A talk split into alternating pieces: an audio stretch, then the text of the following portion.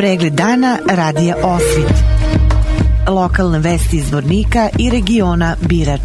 Pratite pregled dana za 29. avgust 2023. godine. U petak 1. septembra počinje nova školska godina. U osnovnoj školi Desanka Maksimović u Čalopeku u toku su završni radovi kako bi sve bilo spremno za doček učenika. Direktorica škole Sanja Tanacković. Ja se nadam da ćemo do 1. septembra biti spremni da dočekamo ovaj naše đake. Ono što se u našoj škole ove školske godine dešava je manje više isto kao i u ostalima. To je da svake školske godine imamo nešto manje đaka nego prethodne pandemic i to je taj trend koji je u cijeloj Republici Srpskoj ovaj, u regionu aktiva. Spravili smo neke ovaj manje pripreme, krećali smo po školama tamo gdje je bilo neophodno.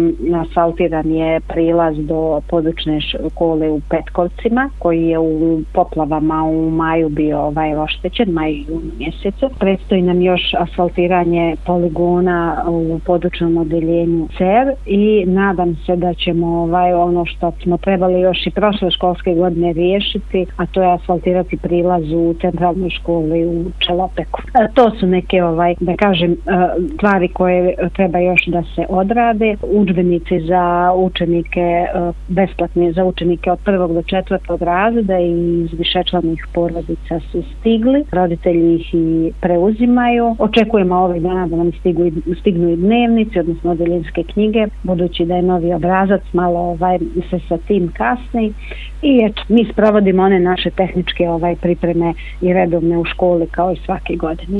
Što se tiče broja prvaka, ukupno upisano 102 prvaka. U prvom upisnom roku upisano 98 i četiri su ostavljena za retest. Oni su u avgustu mjesecu ovaj uspješno ovaj upisani to četvoro djece posle posjete ovaj logopedu. Tako da je stanje sljedeći u centralnoj školi imamo 37 prvaka i to je dva odjeljenja. U područnom odjeljenju Karaka imamo jedno odjeljenje 25 đaka, u područnom odjeljenju e, CER jedno odjeljenje 10 đaka, u područnom odjeljenju Petkovci šest e, prvaka i to je kombinacija kao i prethodnih godina. U područnom odjeljenju Oravac 11 prvaka i e, ovaj, jedno odjeljenje i Križević 12 prvaka i jedno odjeljenje. Stečajni upravnik fabrike glinice Birač Mijedrag Petrović priznao je Pavgordu 122 miliona konvertibilnih maraka potraživanja kao razlučnom poveriocu ove fabrike. Na potezu okružni privredni sud u Bijeljini koji treba da potvrdi ili odbaci predlog stečajnog upravnika, saznaje kapital. Međutim, s obzirom na dosadašnji tok stečaja kada je stečajni sudija mahom prihvatao predloge upravnika, nema sumnje da će i ovaj predlog dobiti zeleno svetlo. To znači da će Pavgord Beograd dodatno ojačati svoju poziciju u Skupštini poverilaca fabrike Glinice Birač, odnosno njenoj kćerki firmi Alumini, koja je i najprofitabilniji deo nekadašnje grupacije Birač. Reč je o potraživanjima koje je Pavgord još 2014. godine kupio od Ukio banke, a koja mu je bivši stečeni upravnik fabrike Lazo Đurđević osporio. Upravo oko tih potraživanja su se Pavgord i fabrika Glinice Birač godinama pred sudom sporili. Taj spor je okončan pre nekoliko meseci nakon što je sud donao rešenje o nepostojanju pravnog interesa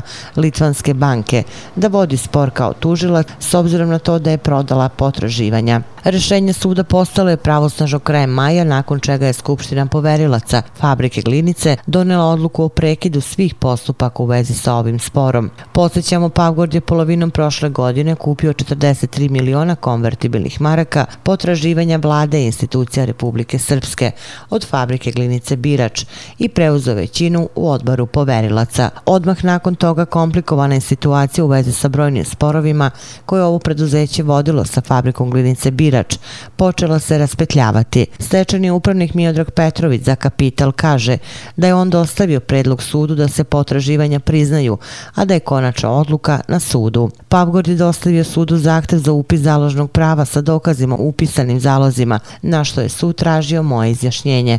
Ja sam se izjasnio sa predlogom da se priznaju kao razlučni poverioci. Sljedeći korak je da sud donese rešenje o izmeni tabele i te kada tabela bude pravosnažna, potraživanja će biti biti priznata, rekao je Petrović. Pojašnjava da Ukio banka prijavila 155 miliona konvertibilnih maraka, potraživanja u koje su uračunali i kamatu do otvaranja stečaja, a da je Pavgordu priznato onoliko potraživanja koliko je kupio, odnosno 122 miliona konvertibilnih maraka. Pavgord je kupio 122 miliona konvertibilnih maraka i taj iznos će im biti priznat ukoliko sud prihvati moj predlog. Sudija je taj koji treba da kaže poslednju reč kada je u pitanju priznavanje potraživanja, ali mislim da neće biti problema jer su dokazi o zalozima dostavljeni, kazao je Petrović. On je istako da je fabrika glinice Birač nedavno isplatila potraživanja više isplatnog reda. Radi se o iznosu 131.000 konvertibilnih maraka za plate radnika koje im nisu isplaćene pred otvaranje stečaja.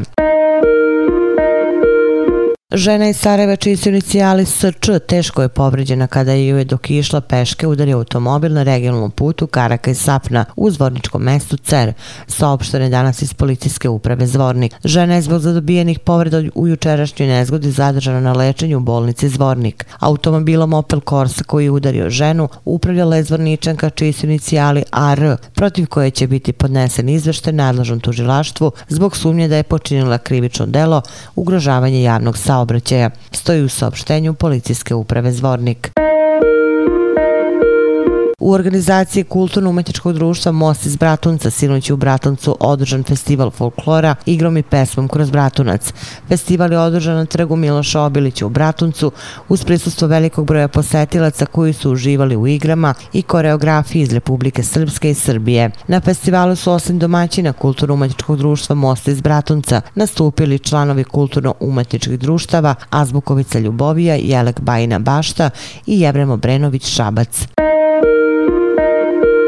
Policijski službenici policijske uprave Zvornik uhapsili su muškarca čiji su inicijali VK zbog sumnje da će nastaviti sa izvršenjem krivičnog dela ugrožavanja sigurnosti. Policija je nakon prijeve muškarca AH iz Zvornika da ga je na obali Drine nožem napao VK iz tog grada, izašla na lice mesta i utvrdila da nije došlo do povređivanja ovog lica. Ovom jučerašnjem događaju obaveštene tužilac okružnog javnog tužilaštva u Bijeljini koji je naložio da se nakon preduzetih radnje tužilaštvu dostavi izveštaj o počinjenom krivičnom delu delu ugrožavanje sigurnosti, stoji u saopštenju policijske uprave Zvornik.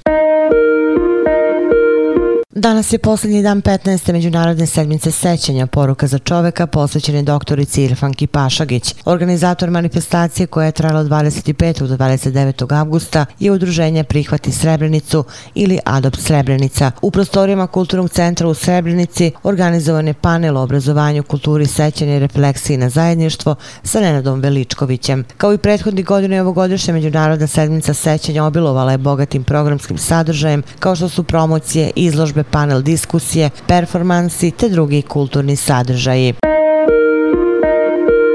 Vesti iz Loznice. Da kiša i nevreme rastaraju vašarđije na Vidovdan ili Veliku gospojinu, to su ljudi u Lozničkom kraju više puta doživjeli, pa zato i važi legenda da se ove narodne svetkovine po lepom vremenu mogu na prste dve ruke nabrojati u poslednjih pola veka. Ipak da izostanu mušterije zbog vreline, to se gotovo nikada nije desilo. Opširnije na sajtu lozničkenovosti.com.